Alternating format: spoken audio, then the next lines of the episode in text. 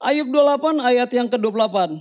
Perikopnya dibilang manusia tidak dapat menemukan hikmat. Tetapi kepada manusia Tuhan berfirman sesungguhnya takut akan Tuhan itulah hikmat.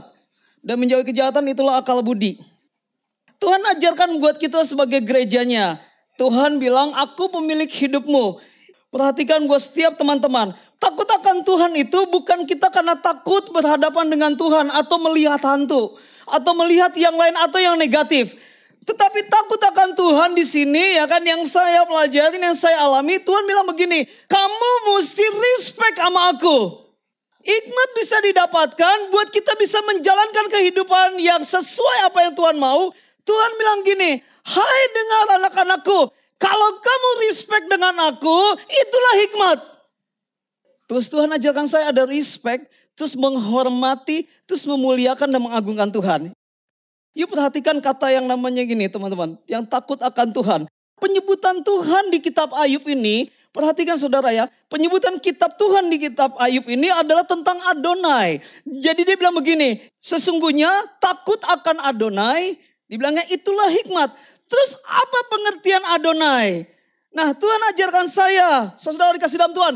Adonai artinya adalah dia pemilik. Adonai itu adalah owner.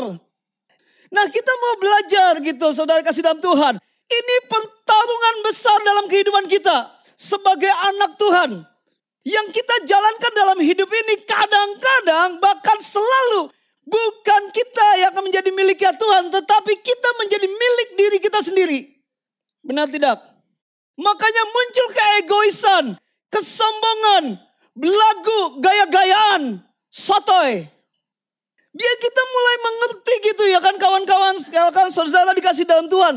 Kita mesti mengerti kalau saudara dan saya sudah ditebus oleh Yesus, harusnya berjalannya harusnya itu kita adalah menjadi milik Kristus.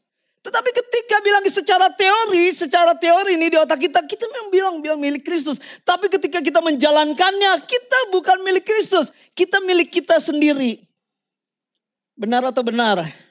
Jadi kalau prinsipnya saya ya kan, prinsipnya saya gini, kalau kita sudah masuk ke dalam Tuhan, ya sudah tidak ada hak lagi dalam hidup kita. Tapi banyak manusia itu selalu menuntut haknya. Kekristenan selalu menuntut haknya, nggak disalamin dia marah.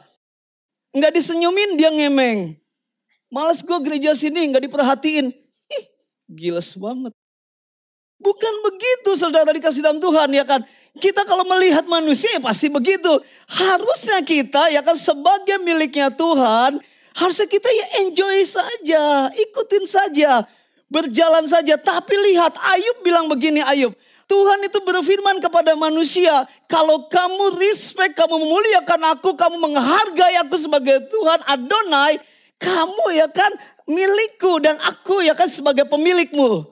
Tapi ketika kita berjalan dalam kehidupan kita di pekerjaan, studi kuliah, apa pun saja dalam lingkungan kehidupan, kadang-kadang kita ya kan lihat prakteknya bahwa kita tuh buat diri kita sendiri merasa ya dirinya kita sendiri tidak menjadi milik Tuhan. Makanya digeser sedikit ya kan gampang marah. Dicubit sedikit dia bersungut-sungut. Dikasih kurang dia langsung marah-marah. Kan aneh. Ini manusia yang terjadi. Jadi nanti pertanyaannya buat kita di dalam kehidupan kita.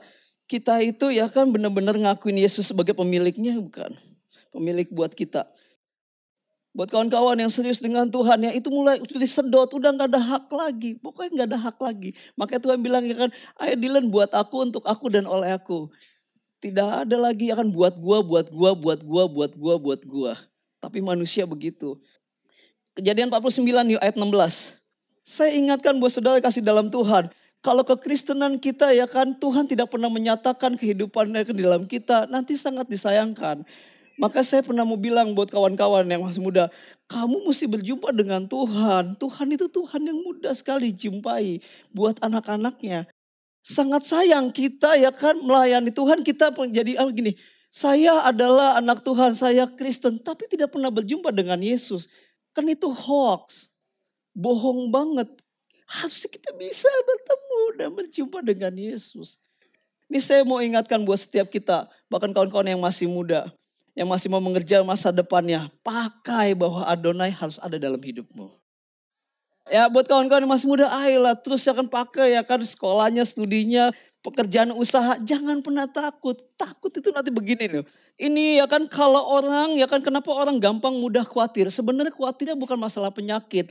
Bukan masalah pasangan, bukan masalah yang lain. Tapi masalah materi. Nah terus pas diingatkan itu saya baca, orang kalau sudah khawatir pasti khawatir cuma itu masalah materi. Besok hidup gimana ya, besok makan apa ya, besok kadang-kadang kita apa namanya khawatir ekonomi, kadang-kadang kita memakannya lebih. Tidak sesuai dengan kemampuan yang Tuhan kasih sebenarnya. Jadi misalnya begini, ada orang ya kan misalnya gajinya cuma misalnya 2 juta, tapi dia mau pakai iPhone 20. Misalnya, misalnya, misalnya gitu ya kan. Mau pakai iPhone 20 atau dia mau beli mobil ya kan, mobil apa sport gitu ya kan. Nah ada yang kayak begitu ya. Jadi keinginan-keinginan yang besar akhirnya tidak bisa memanage. Ya itulah akhirnya besok makan apa nih. Ya karena pakainya juga diborosin. Bukannya pelit ya. Nah terus saya pas baca Harvard bilang begini ya kan. Orang kalau sudah khawatir bicaranya pasti tentang materi. Nah materi dibilang gini. Otaknya itu setengah lumpuh. Karena dipikirin cuma materi, materi, materi. Setengahnya nggak kepake, lumpuh. Pas saya baca, wah ya juga ya.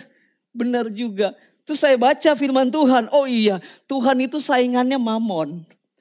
Mamon itu adalah ini uang di bawahnya itu. Ya kan di bawahnya uang itu ada ada intimidasi si jahat namanya mamon. Itu yang membuat orang hari-hari ini akhir zaman. Kalian dapat gaji 10 juta, misal 20 juta, masih kurang, mau nambah lagi, mau nambah lagi. Tapi untuk menghabiskan dirinya, maka setengah otaknya lumpuh. Bagaimana mikirin Tuhan? Dia susah bilang gini, Tuhan adalah pemilik hidupku. Susah untuk berkata begitu.